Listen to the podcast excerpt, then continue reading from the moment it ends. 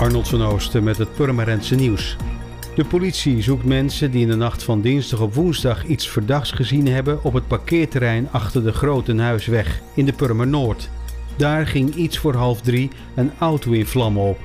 De politie heeft een sterk vermoeden van brandstichting en hoopt dat iemand iets heeft gezien. Om vijf voor half drie kwam bij de hulpdiensten de melding dat er een auto in brand stond op het parkeerterrein achter de bushalte Zuivelpad.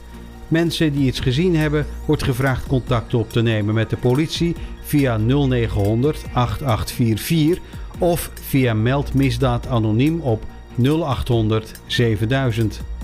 Huishoudens die dringend om nieuwe woonruimte verlegen zitten, maar niet in aanmerking komen voor urgentie, toch een grotere kans geven. Dat is de achterliggende gedachte van een nieuwe woonruimteverdelingssysteem voor sociale huurwoningen die 15 gemeenten in de regio, waaronder Purmerend en Beemster, willen invoeren. Het nieuwe systeem werkt met punten.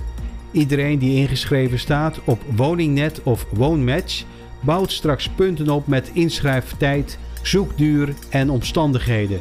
Diegene met het hoogste aantal punten krijgt de woning.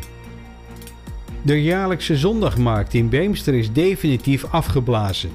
Het wordt te druk om de vereiste anderhalve meter afstand te garanderen, concluderen de organisatoren. Liefhebbers van de markt moeten een jaar wachten. De zondagmarkt wordt verzet naar 5 september 2021. Er is ook goed nieuws uit Beemster. De VVV-winkel van bezoekcentrum Beemster is vanaf morgen weer beperkt open van vrijdag tot en met zondag van half elf tot 1 uur.